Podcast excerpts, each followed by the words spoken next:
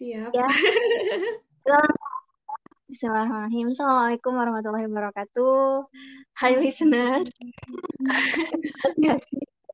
ya, uh, uh, sampai jumpa lagi. Kok sampai jumpa lagi. Selamat kembali lagi. Kita, uh, aku di sini hadir bersama Isra.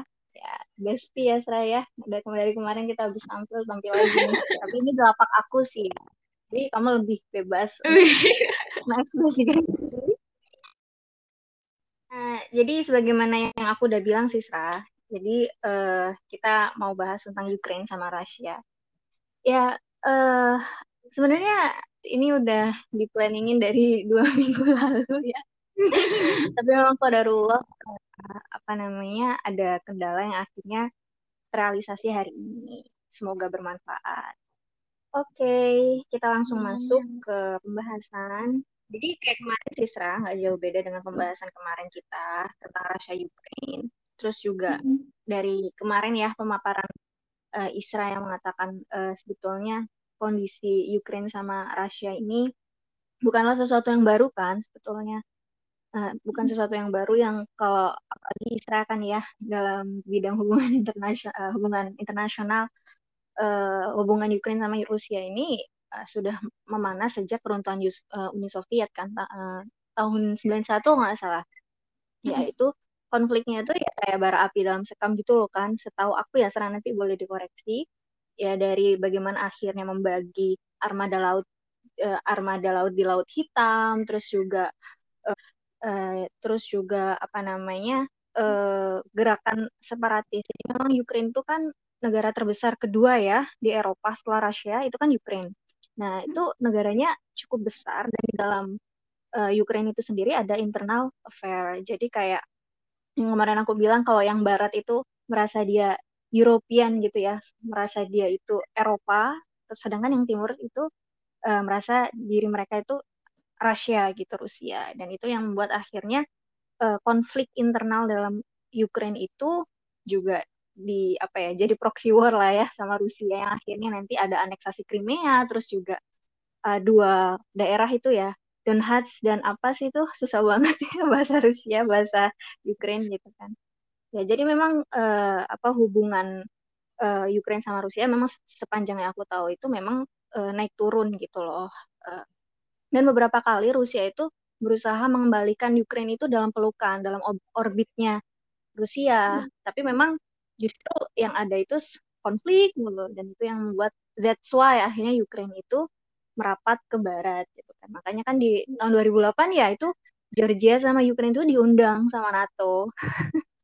ya makanya kemarin aku bilang kata-kata um, Putin itu uh, menganalogikan uh, sudah sudah nge-warning itu kan US uh, ibarat uh, lo masuk di Meksiko, eh, gue masuk di Meksiko terus naruh rudal gue di Kanada apa yang lo rasain? Gitu kan. Ketika kalau US tetap uh, apa namanya kekeh untuk memperluas hegemoninya sampai ke Ukraine yang mana Ukraine itu sebenarnya kan uh, dari tatanan apa geografis internasional itu kan kayak taman depan ya kata Syekh atau itu taman depan Rusia. Jadi memang kalau misalnya Ukraine ini kebobolan uh, Rusia ini kebobolan kehilangan Ukraine yang masuk ke NATO ya dari segi histori aja itu kan Rusia itu pernah uh, apa namanya uh, apa sih dis diserbu dari itu ya Jerman ya Hitler sama Napoleon ya. Jadi memang uh, Ukraine ini menjadi uh, sanggahan terakhir gitu loh Sra. Ya, ya mungkin nanti Isra bisa nambahin dari perspektif Isra apakah nanti mungkin ada mungkin kata-kataku yang perlu dikoreksi. Jadi ya aku aku pribadi kayak cukup uh, monitoring ini. Dan anehnya kenapa kok akhirnya hmm. invasi ini tuh heboh? Padahal sebenarnya ketegangan antara Rusia sama Ukraina itu bukan sesuatu yang baru. Makanya kan aku kemarin bilang even kayak di circle aku di uh, sosial media aku yang teman-teman aku yang sebenarnya nggak terlalu apa ya uh, menurut aku ya dalam itu tidak share yang berbau politik ikut meramaikan ini. Jadi itu itu sih. Ya menurut Isra gimana sebagai uh, apa namanya mahasiswa yang studi yang concern dalam isu-isu internasional itu gimana Sra? Wah aku uh, apa namanya serang banget Isra. ya silakan Sra. Oke, Ya ampun, thank you, Vin, udah ngasih kesempatan untuk ngobrol di sini. Jujur, Mm-mm. uh, kedengaran banget ya kedengaran? Nggak kelihatan saya kedengaran. Kedengaran banget nih kalau Vina emang ikutin gitu ya dari sejarahnya dan uh, dinamikanya itu uh, apa ya kelihatan banget gitu kalau misalnya uh, Ukraina ini emang satu hal yang strategis gitu kan ya, Betul. baik dari segi ekonomi uh, ekonomi sih khususnya. Iya, ekonomi juga. Ya, ketahanan pangan ya. Ya, ketahanan pangan, dan hmm. terutama lagi minyak ya karena emang uh, daerah yang strategis dan jalur bahkan Betul. penghubung antara Rusia dengan Eropa. Ya. Uh, yang selama ini sebenarnya kan iya Ukraina itu dulunya bagian daripada Uni Soviet gitu kan ya Vin uh, dan um, dan ketegangan antara Uni Soviet dengan US itu udah udah udah cerita lama gitu dari cerita lama ya. Cerita lama dari awal perang dingin yang itu mencuat ketika NATO didirikan terus uh, Uni Soviet uh, apa tandingan itu faktor sawah kayak gitu yang ya udah ini emang masalah hegemoni kayak gitu. Hingga akhirnya akhir-akhir ini ketika kelihatan uh, ada ke apa ya kecenderungan untuk berpihak pada NATO yang padahal sama ini tuh bagian berpihak sama Rusia gitu. Jadi akhirnya ada semacam uh, ancaman kayak gitu ya. Dan aku tuh jadi keinget ini kita jadi ngomongin live IG kemarin mungkin teman-teman yang nyimak ini uh, apa ya live IG yang mana gitu mungkin kalau misalnya mau Oh iya.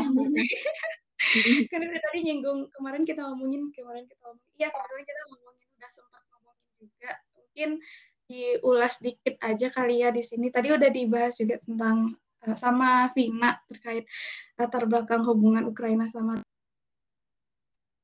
uh, ini tuh sebenarnya uh, dua negara yang seharusnya bersaudara gitu ya. Harusnya nggak ada uh, iya kan? Apa-apa iya tapi karena adanya kekuatan di luar yang mempengaruhi uh, wilayah strategis Ukraina ini akhirnya mm-hmm. jadi panas gitu ya. Dan menurut aku uh, ancaman yang diberikan Rusia ini tuh kalau dari segi uh, apa ya ini mungkin disclaimer dulu ya aku sebenarnya nggak yang jago-jago banget tentang ilmu HI aku juga masih belajar tentang ilmu hubungan internasional tapi uh, sejauh yang aku ketahui kan dalam HI itu ada istilahnya security dilemma ya. Security dilemma itu kan uh, semacam uh, ini penunjukan kekuatan uh, ini gue ada nuklir ini gue ada senjata gitu ya. Biar uh, pihak lawan itu mempertimbangkan keputusannya gitu doang gitu. Hmm. hanya biar insecure aja kayak gitu. Itu istilahnya hmm. dan uh, tindakan Rusia ini ya yang mungkin orang-orang banyak bilangnya itu invasi gitu ya. Udah mulai uh, melakukan apa ya penggunaan senjata gitu, gitu ya. walaupun mungkin nggak hmm. uh, nggak sampai invasi juga sih ya kayak hmm. belum lah ya kalau invasi belum, tapi ya. memang ya. udah angkat senjata dan udah menunjukkan ini power kita kalau misalnya macam-macam nih kita lucutin yeah. gitu don't gitu. mess with me stop don't mess with me iya gitu jadi uh, ancaman-ancaman itu tuh yang akhir Rusia tentu uh, wilayah strategis Ukraina ini tidak berpihak pada kekuatan globalnya um, US gitu ya Amerika, tetapi tetap tetap uh, ada di bawah kendalinya Rusia karena ya lagi-lagi jantung banget gitu ya Ukraina itu sebenarnya dari segi uh, baik ekonomi sumber daya alam khususnya minyak kayak gitu. Terus studi nuklir juga nggak sih dia? Kenapa? Pusat eh, maksudnya salah satu pusat studi nuklir, terus sepertiga dia mewarisi dari Uni Soviet kan nuklirnya, mm, cukup mm. cukup diperhitungkan gitu loh Ukraina. Mm, Dan mungkin ini jadi ini juga ya kayak kesal dalam tanda kutip oleh Rusia karena maksudnya Ukraina ini kan udah banyak banget dimodalin oleh Rusia kayak gitu kan ya uh, dalam hal ya modal senjata itu udah ada kayak gitu loh maksudnya ya selama ini tuh ibaratnya dihidupi oleh Rusia dalam oh, Uni Soviet kayak gitu kan dalam hubungan Uni Soviet hmm. tapi ya lagi-lagi ya pasti uh, Ukraina pun juga mempertimbangkan cost dan benefit ya. Pastilah itu. Ini betul. mungkin ya. ini juga ya jadi semoga jadi bah apa ya semoga makin membuka mata kita deh kalau misalnya melihat uh, hubungan antar negara dalam sistem saat ini gitu ya sistem hmm. yang sebenarnya paradigma ide secara ideologis kan yang kuat dan mempengaruhi Iya, dan tentu uh, cost dan benefit itu jadi pertimbangan banget gitu. Jadi Utama, ya nggak iya. jangan jangan naif banget lah gitu ya ngelihat. Betul, jangan kerja sama. ya kerja sama antar negara, apalagi ini uh, institusi internasional NATO, kenapa akhirnya Ukraina mau gabung pasti ada cost dan benefitnya. Salah satunya adalah keuntungan secara ekonomi. Betul. Mm -mm. Itu sih mm -mm. mungkin dari aku ya. Uh, aku mendekati udah jelas banget mengenai gimana sejarah dan latar belakang konfliknya. Mungkin dari aku ingin meng-highlight gitu kalau iya konflik ini bisa terjadi kerjasama dan keter, kecenderungan negara dengan uh, negara hegemoni yang lain itu bisa terjadi itu pasti karena ada kepentingan maupun pertimbangan cost benefit atau apa ya untung rugi dari suatu negara ketika kerjasama ya, dengan national interest kan sebetulnya iya, masing-masing. ya, melegitimasi hmm. agresi itu sebenarnya kan Rusia itu melegitima apa ya uh, apa namanya bilangnya defense ya. Kalau di defense harusnya kan diserang dulu. Tapi Rusia ini nyerang karena memang secara uh, apa namanya nanti kalau teman-teman lihat peta mungkin ya uh, ke, merapatnya NATO ke, ke arah timur itu sudah cross the limit bahasanya ya bahasa politik internasional itu udah melewati batas gitu kan. Dan uh, apa namanya aku setuju banget sih Isra tadi. Aku ngerasa ini Isra uh, US ya. Uh, apa sebenarnya kan tadi kan melihat potensi dari Ukraine ini kan potensial ya dari tadi segi ekonomi terus juga uh, apa namanya uh, uh, geopolitik ya geo uh, strategis kan apalagi dia ada laut hitam kan ya. Nah, terus juga ya pokoknya dengan segala kelebihan yang Ukraine punya terus juga uh, konflik yang dunia indera antara Ukraine dan Rusia itu US akan-akan kayak mancing dalam air keruh nggak sih? kan? Ya nggak sih maksudnya ngelihat uh, Ukraine bermasalah sini-sini rapat ke gue nanti yeah, yeah, ya yeah. gue itu kan disuplai senjata terus juga itu kan dari NATO kan walaupun memang belum resmi kan masuk tapi disuplai hmm. di apa namanya di apa ikut pelatihan dan seterusnya itu kan sudah sebenarnya jadi uh, sinyal merah ya bagi Rusia. Hmm. Benar-benar. Hmm. Manfaatkan Terus, keadaan um, konflik ya antara Rusia betul. sama Ukraina. iya, menang-menang berdua ya, one brother ya, maksudnya uh, siblings ya, siblings ini lagi lagi apa namanya sikut-sikutan nih wah hmm. gue tarik aja tuh maksudnya ke gue ya ya itu kan demi apa namanya politik US itu sendiri nggak mungkin untuk ya semata-mata untuk bantu Ukraine kan mesti hmm. ada asas manfaat uh, di balik uh, relasi yang ada. Oke, itu wah keren. Ya benar-benar aku setuju. Serah menarik yang tadi. Uh, selanjutnya ini Serah tentang veto ya. Jadi kan uh, kita tahu ya bahwa ada salah satu yang uh, mengusulkan ya. Jadi ada pihak yang mengecam agresi Rusia gitu kan dan akhirnya uh, menya, apa menyuarakan untuk mengeluarkan ya Rusia dari ya UN biar biar hak vetonya itu hilang. Nah, itu menurut Isra gimana hak veto? Teman-teman mungkin uh, bisa dijelasin ke teman-teman hak veto itu apa, Sra? hak veto itu hak spesial ya untuk lima negara di PBB Persatuan Bangsa-Bangsa United Nations. paling absurd. Ya, jadi uh, oh. apa pun yang dimusyawarahkan mungkin sederhana itu pada akhirnya yang menentukan kebijakan finalnya tuh hak veto negara-negara yang memiliki hak veto ini kan ya.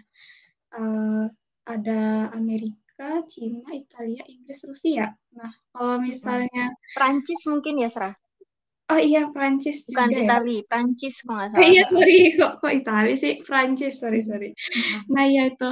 Nah, uh, kalau misalnya hak vetonya dicabut, ya tadi gimana? Apakah itu akan menyelesaikan konflik atau memberikan kekuatan ya untuk? Iya, pertanyaannya menurut Isra gimana dengan uh, usul atau saran solusi seperti itu biar Rusia tidak semena-mena. Sebenarnya kan dalam hukum internasional itu kan melanggar kan.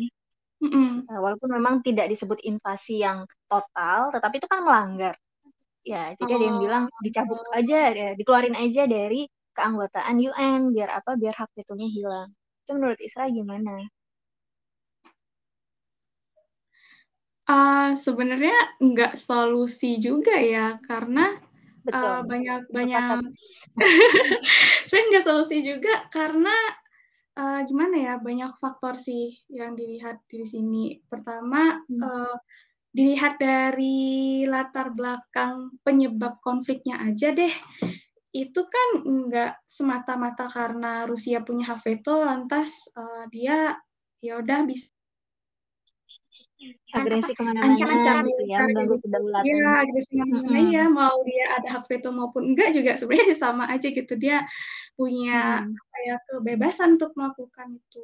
Jadi kayak uh, mencabut hak veto apa powernya gitu kayak ya nggak logis aja uh, karena sepakat apalagi hmm. apalagi kalau misalnya itu forum internasional gitu kan dan di situ sebenarnya pun di antara negara-negara yang memiliki hak veto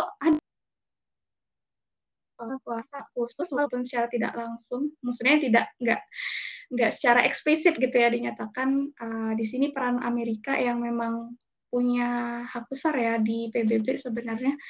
Ya itu itu masih ada gitu. Jadi mau hak vetonya dicabut atau enggak, menurut aku enggak enggak ngefek hmm. sih sama tindakan Rusia untuk uh, menimbulkan konflik, menimbulkan ancaman karena ini tentang hegemoni kayak gitu kan ya, yang um, uh, apa tentang pengaruh uh, Rusia yang ingin menyebarluaskan kekuatannya dalam hal ini di Ukraina, ya itu hmm.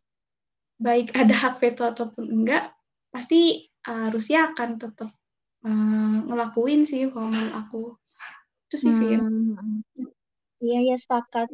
Iya kalau menurut aku juga itu kalau itu solusi yang parsial banget nggak sih? Itu kayak ibarat hmm. miss the forest for the trees. Yeah. Bukan masalah Rusia punya hak vetonya, tapi skema hak veto itu sendiri bermasalah. Kok bisa sih cuma lima negara adidaya yang akhirnya melumpuhkan uh, kebijakan ya, hmm. maksudnya kesepakatan internasional. Kayak misalnya uh, agresi uh, Israel ke Palestina itu kan dilindungi vetonya US kan.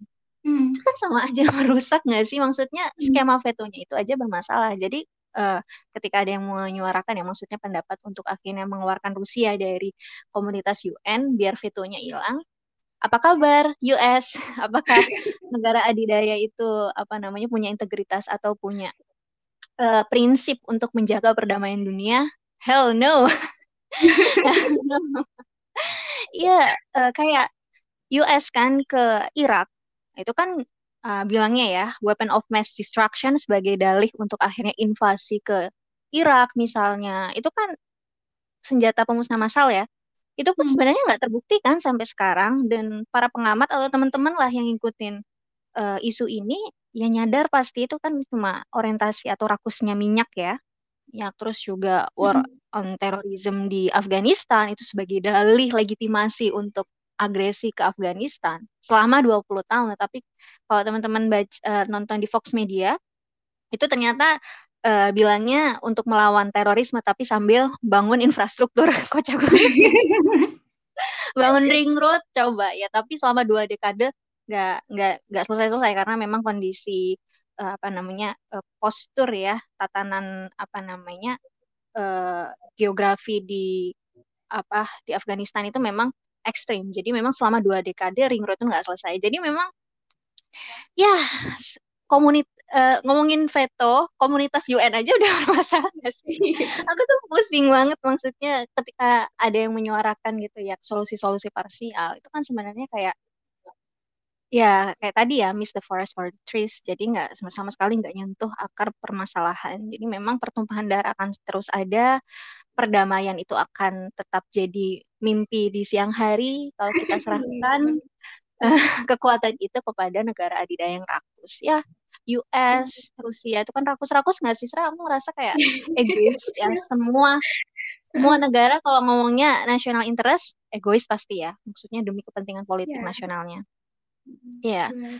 Terus juga sebenarnya US itu sendiri uh, aku ngelihat serah kayak sebenarnya kelihatannya powerful ya mereka ya.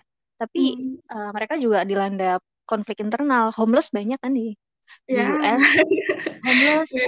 um, even yang apa namanya uh, rakyat men kelas menengah itu tinggalnya udah di mobil, Sra. Bukan berarti mereka nggak punya gaji, tapi karena memang ya apa namanya kita tahu sendiri sebenarnya itu sekali lagi bukan untuk pure untuk uh, rakyat US ya, tetapi memang juga untuk uh, pure hanya untuk ya elit ya, para elit ya yang ya. ada di hmm. masing-masing negara. Itu sih uh, ya apa namanya kita beralih ke pertanyaan berikutnya. Ini dari aku Sra. Uh, uh, menurut Isra ya, uh, bagaimana sih kita perlu nggak sih untuk akhirnya mengikuti isu-isu ini. Kan banyak kan ya uh, kalau aku scrolling di komentar di media mainstream Indonesia misalnya kayak udah hmm. jangan ikut-ikutan, fokus ketua sama minyak aja gitu kan. Udah jangan ngomongin uh, WW3, WW3. Kita fokus ke apa namanya? tiga periode. ya menurut saya gimana? Jadi uh, mungkin pertanyaannya uh, sederhananya perlukah kita? Sebagai kita kan kita ngomongin konteksnya pemuda ya karena kita masih muda pemuda uh, penerus bangsa uh, umat Nabi Muhammad uh, khususnya gitu kan. Ada status yang melekat uh, sama kita sampai kita meninggal yaitu sebagai muslim gitu kan. Perlukah kita untuk akhirnya aware dengan masalah ini? Itu sih. Itu serah menurut Isra menarik banget nih Vin pertanyaannya Karena emang apa ya, sering ya kita dengar kayak yang Vina mention sebelumnya, kayak, "Ya Allah jauh banget sih mikirin negara." Iya. Ini sendiri belum aman. Iya. Kalau ditanya kalau ditanya perlu atau enggak ya Vin, kalau aku pribadi tentu berpendapat sangat amat perlu. Kenapa? Karena, uh, pertama ini ya, ya kalau misalnya kita status kita nih sebagai muslim, uh, alangkah baiknya bukan alangkah baiknya, bahkan, uh, Rasulullah kan menyampaikan ya dalam hadisnya kalau kita tuh ibarat satu tubuh gitu loh kaum mm Mm-hmm. Berdasarkan identitas kita sebagai muslim sebenarnya kita seharusnya aware gitu sama uh, kondisi kaum muslimin di belahan bumi mana pun dan dan akhirnya kenapa kita ini ya kan salah satu yang menarik dari krisis Rusia Ukraina ini ada dua kubu ya. Betul. Dua kubu, dua kubu yang kaum muslimin di ya negara-negara kaum kaum muslimin yang emang sedang diuji dengan konflik kayak gitu. Ada yang pro Rusia ya pro Rusia karena ingin dalam dengan dalih membela nah yang pro Ukraina dengan dalih membela kaum muslimin yang ada di Suriah kayak gitu jadi kayak tapi ya ya, ya iya sih. Uh, jadi tapi sebenarnya apa ya dari sini aja kelihatan gitu ya sebenarnya uh, kesadaran kaum muslimin atas uh, apa ya kepedulian dengan kaum muslimin di negara selain negaranya sendiri pun itu masih ada gitu. Dan itu pun emang hal yang harus gitu Um, jadi itu mungkin pertama dari segi identitas kita sebagai muslim gitu kan. Juga gitu. Mungkin aku pertama dari situ yang nyatanya kaum muslimin itu nggak hanya ada di Indonesia aja tapi ada di negara lain. Poin yang kedua yang menurut aku penting banget juga uh, kita harus aware dengan isu-isu internasional karena apa pun yang ada yang terjadi secara global gitu, apalagi politik global kita ngomongin tentang geopolitik itu imbasnya juga ke kebijakan nasional juga kayak gitu loh, imbasnya betul, juga betul. ke keseharian kita juga gitu dan iya, betul. kita sebagai pemuda gitu ya yang akan um, megang banyak kendali iya, betul. Uh, 10 atau 20 tahun yang akan datang kayak gitu kan. Iya. Masa iya sih kita nggak tahu kalau misalnya kebijakan yang diambil di PBB itu, semisal SDGs aja gitu, itu tuh uh, keseharian kita loh. Betul. Di, uh, apa kan kalau misalnya yang benar-benar kita temui tiap hari tuh apa ya, misal listrik, pasti nggak mungkin kita lepas sama iya, listrik. Iya, betul. pemerintah uh, di negara kita itu bagaimana mengelola listrik, bagaimana menentukan harga itu juga ber uh, apa ya berkorelasi uh, sangat sangat sangat bergantung dengan bagaimana uh, apa keputusan global mengenai bagaimana pengelolaan sumber daya alam kayak gitu-gitu. Jadi ya menurut aku ya perlu bahkan penting banget gitu walaupun kayak jauh banget itu kayak enggak. enggak. Hmm. bukan urusan gue gitu bukan kerjaan gue. Tapi nyatanya hmm. dengan kita memahami isu internasional ini ya itu sebenarnya kita berarti itu uh, apa ya berarti kita benar-benar peduli dengan apa yang akan terjadi di keseharian kita. Jadi kita tuh melihatnya itu beyond gitu loh daripada apa yang terlihat secara kasat mata. Karena apa yang kita lihat di keseharian kita itu sebenarnya banyak loh pengaruh uh, elit elit politik global uh, maupun uh, apa aktor-aktor yang terlibat dalam forum-forum uh, internasional yang akhirnya berimplikasi pada keseharian kita. Jadi semoga dengan aware-nya kita, sadarnya kita dengan isu internasional ini, kita pun akhirnya bisa menyumbangkan solusi yang menyentuh akar gitu kan. Dari tadi kan ya miss the first of the trees gitu ya, ya kayak nggak menyentuh akar daripada masalah. Yang namanya kita mau nyari solusi kan harusnya menyentuh akar masalah itu apa sih gitu. Biar kita nyari solusinya tepat ya ini jadi PR ya buat kita mungkin uh, sebagai pemuda apalagi pemuda muslim seharusnya kita paham akar masalahnya apa biar kita bisa memberikan solusi yang tepat gitu. jadi insya Allah nih pemuda-pemuda yang saat ini mungkin masih proses belajar uh, beberapa tahun yang akan datang kita lah yang akan mengendalikan kita yang jadi pemegang. Jadi yuk kita mulai dari sekarang pahami akar masalah yang dihadapi oleh umat. Rakyat itu sebenarnya apa? Biar kita bisa memberikan solusi yang menyentuh akar masalah. Dari aku itu sih Vin mantap. Keren aku setuju banget ya teman-teman uh, dengan statement Isra tadi jawaban Isra. Sebetulnya kebijakan politik nasional maupun internasional itu sangat berpengaruh pada kehidupan sosial kita. Salah satunya tentang hmm. konflik Ukraine dan Rusia ini kan ngaruh ya uh, hmm. tentang ketahanan pangan Indonesia. Kan sempet ya ketahanan pangan Indonesia itu kayak ada yang rilis gitu loh. Nggak tahu siapa sih yang Indonesia itu kalau lagi ada perang tahan berapa lama gitu kan? Itu disebutkan 21 oh. hari. Iya 21 hari. nah dan tentang Ukraine ini kan kita termasuk yang impor ya gandum. Hmm. dan itu impactnya itu ke apa namanya mie instan ya, ya. yang kan gandum kan salah, ya, banyak. salah satunya mie instan. Nah, ada wacana mau naik kan harganya karena memang. Nah, ini loh, kalau teman-teman, kalau kita mau misalnya ya, ignoran terhadap politik internasional, kita nggak ikut mengawal bagaimana kebijakan ini diatur oleh elit atau orang-orang yang duduk di uh, apa jabatan strategis negara, kita tidak ikut mengawal, itu dampaknya tuh ke kita nggak sih, ya kan? Sampai kedelai aja, kedelai itu kan tempe itu aku kan belanja gitu ya saya yang biasanya tempe kecil itu cuma tiga ribu sekarang lima ribu yang biasanya lima ribu sampai tujuh ribu. Itu hmm. kebayang kan sempat kan pengrajin tempe itu mogok karena kedelai hmm. itu uh, lagi naik dan hmm. ternyata naiknya itu ya karena memang kita bergantung dengan komoditas impor ya kita bergantung sama kedelai US Amerika dan pada saat itu naik karena memang uh, iklim di Amerika sedang tidak uh, tidak baik gitu kan. Yeah. Nah ini loh, ini kenapa kok harus impor? Kenapa kita tidak akhirnya sebagai negara agraris untuk memanfaatkan potensi yang kita punya gitu kan untuk akhirnya demi kesejahteraan rakyat kita ini. Nah itu kan sebenarnya pembahasan politik kan, politik internasional dan nasional. Jadi aku setuju banget kenapa kita harus aware dan itu bukan tugas anak HI aja, bukan anak tugas anak ilpol aja, tetapi kita semua sebagai rakyat Indonesia, sebagai umat Nabi Muhammad, uh, ya malayah tambi amril mukminin falaisa minhum. Ini kan uh, apa ya? Problem sosial ini kan termasuk bagian dari uh, apa namanya urusan kaum kaum muslimin atau kemanusiaan secara umum ya misalnya. Jadi memang uh, wajib sih sebenarnya aku personalnya bilang wajib untuk kita aware dan terus kita mengawal bagaimana akhirnya uh, berjalannya perpolitikan nasional maupun internasional. Ya itu Isra, wah luar biasa.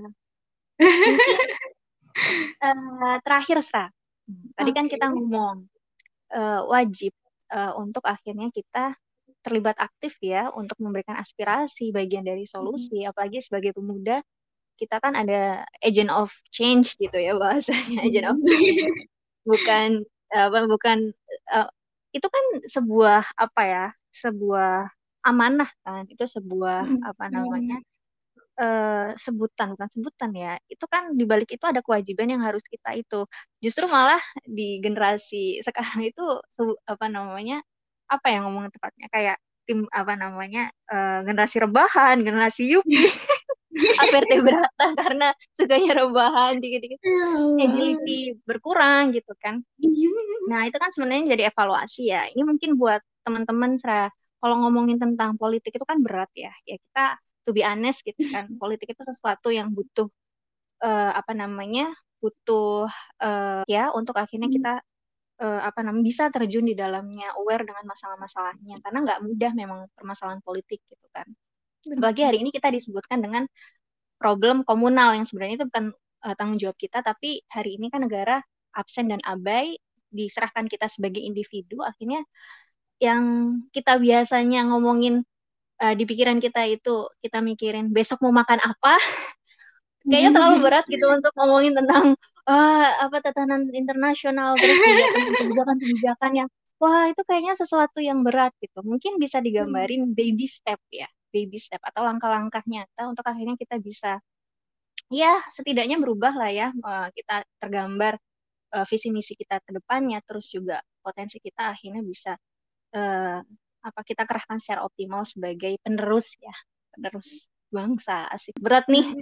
Ya itu kan uh, baby step ya. Iya sih setuju banget sih Vin. Aku juga bahkan ya ya apa ya yang Kodoro, Kodoro yang kebetulan gitu ya jadi mahasiswa yang eh maksudnya seorang pemuda yang studinya itu fokus di pembahasan ilmu politik sekalipun juga masih PR banget gitu aku pribadi ya. Dan mungkin teman-teman yang serupa yang sama-sama belajar tentang ilmu politik. Nasional masih ya perlu effort besar gitu sebenarnya untuk memahami politik internasional itu gimana lah. Terus ini kita dari pembahasan tadi malah menyebut uh, kesadaran kita dengan isu politik terutama isu politik internasional itu adalah bagian daripada kepedulian kita kepada umat. Nah, terus kalau misalnya nggak nggak peduli, kalau nggak nggak aware sama isu politik internasional, terus nggak peduli sama umat gitu.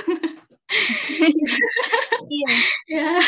logika fatal, fallacy logic ya, logic fallacy. Nah, iya. ya itu uh, bukan berarti kayak gitu juga gitu ya tapi justru uh, kita perlu langkah menuju ke sana maksudnya gitu gitu ya uh, maksud dari kita membahas ini kan uh, ajakan nih buat kita oh. semua agar ayo kita menuju ke sana gitu ayo kita pahami gitu terus gimana nih mulainya gitu ya ya mulainya hmm. dari kalau menurut aku sih ya mulainya dari kemauan untuk belajar dulu.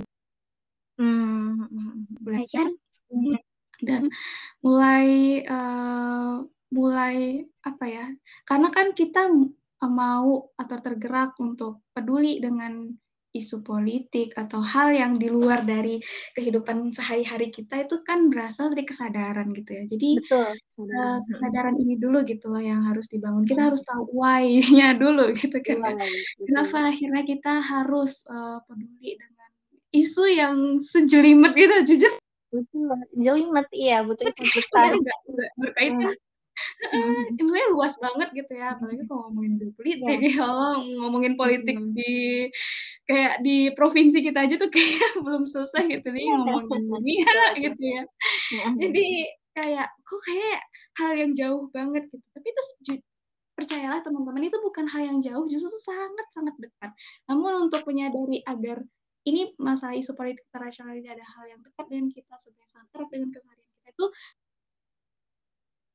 uh, gitu. Jadi uh, biar kita punya strong why gitu ya, strong why untuk terus belajar, terus mengikuti update, terus uh, peduli dengan akar masalah agar kita senantiasa mau berpikir bagaimana solusinya, yuk kita sama-sama belajar kayak gitu. Kita uh, mulai nih uh, apa ya serius untuk mengetahui sebenarnya tujuan hidup kita itu apa bahkan gitu. Se sefundamental itu gitu sebasic yeah, itu yang yeah. akhirnya menggerak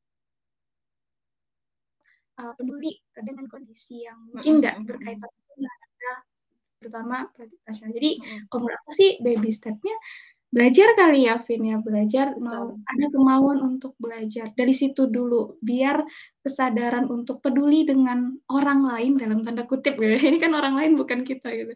Itu tuh mm -hmm terbangun dan uh, kalau ini konteksnya kita muslim gitu ya. Dan ini sih yang membuat aku jadi makin falling in love we. makin jatuh cinta sama Islam karena mengajarkan tentang yuk kita sadar aware dan peduli dengan kondisi betul, uh, betul.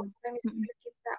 Makanya ada kewajiban dakwah gitu. Kewajiban untuk mengajak bahkan mengajak mengajak agar uh, orang lain itu peduli dengan apa yang kita pedulikan uh, mau menerima Islam kayak gitu. Kayak hanya Islam deh setahu aku ya. Hanya Islam yang mewajibkan untuk dakwah itu. Jadi biar bisa ke sana lagi-lagi yuk kita belajar bareng. Uh, mungkin dari aku itu sih. Kalau kamu oh, gimana? setuju. Iya sih Rah, setuju poin yang semua tuh berawal dari kesadaran kesadaran akan membuahkan willingness kan. Dan itu willingness itu akan jadi saham terbesar untuk kita berubah.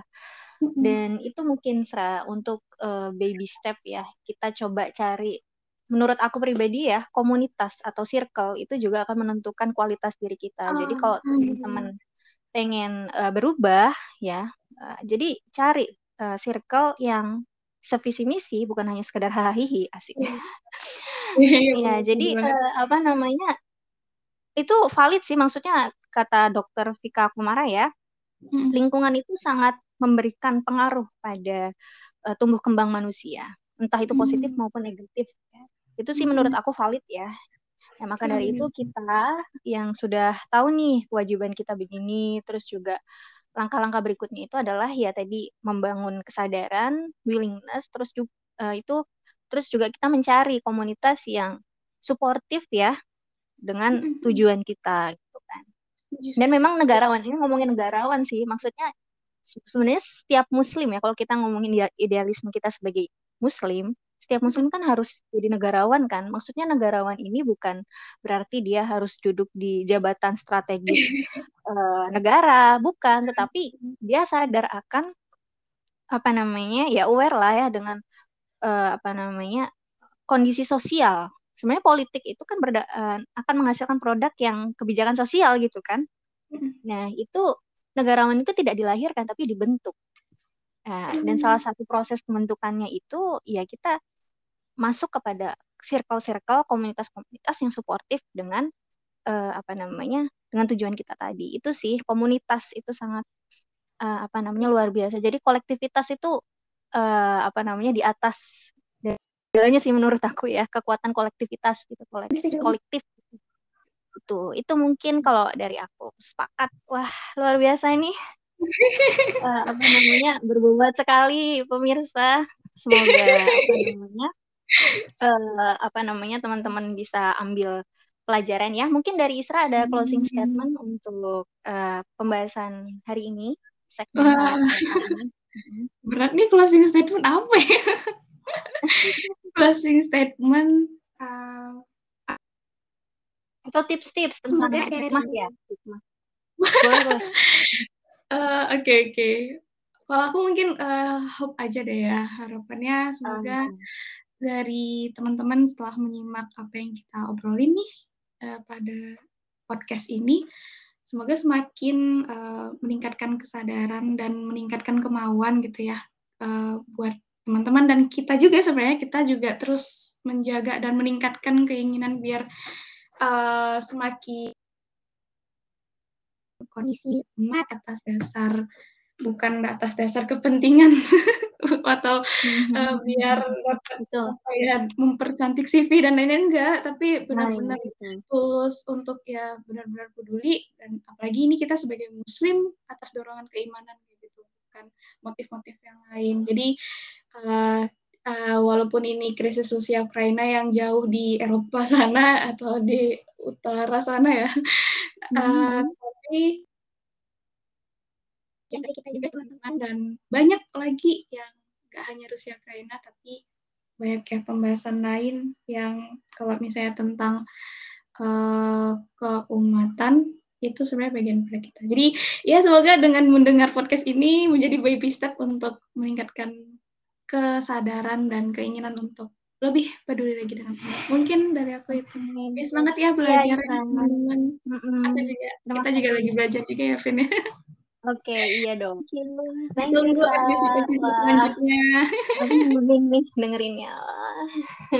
Wah. Ya, ya mungkin itu teman-teman uh, ini mungkin akhir dari segmen kali ini ya uh, jadi uh, banyak ya informasi yang kita dapat dari uh, apa undangan uh, aku pada kali ini subhanallah such a intelligent girl Isra itu uh, mobilitasnya sungguh tinggi sepak terjangnya dalam dakwah luar biasa Vina juga teman-teman bisa sebenarnya ada insight atau informasi yang bisa diambil lah ya dan hikmah-hikmah dari uh, apa isu yang kita angkat ini. Ya mungkin uh, itu aja dari aku. Makasih ya Seraya, jangan bosan-bosan untuk datang. Makasih banyak juga kesempatannya keren banget. Semangat. Oh ya, semangat. Oke. Okay. Uh, Assalamualaikum warahmatullahi wabarakatuh.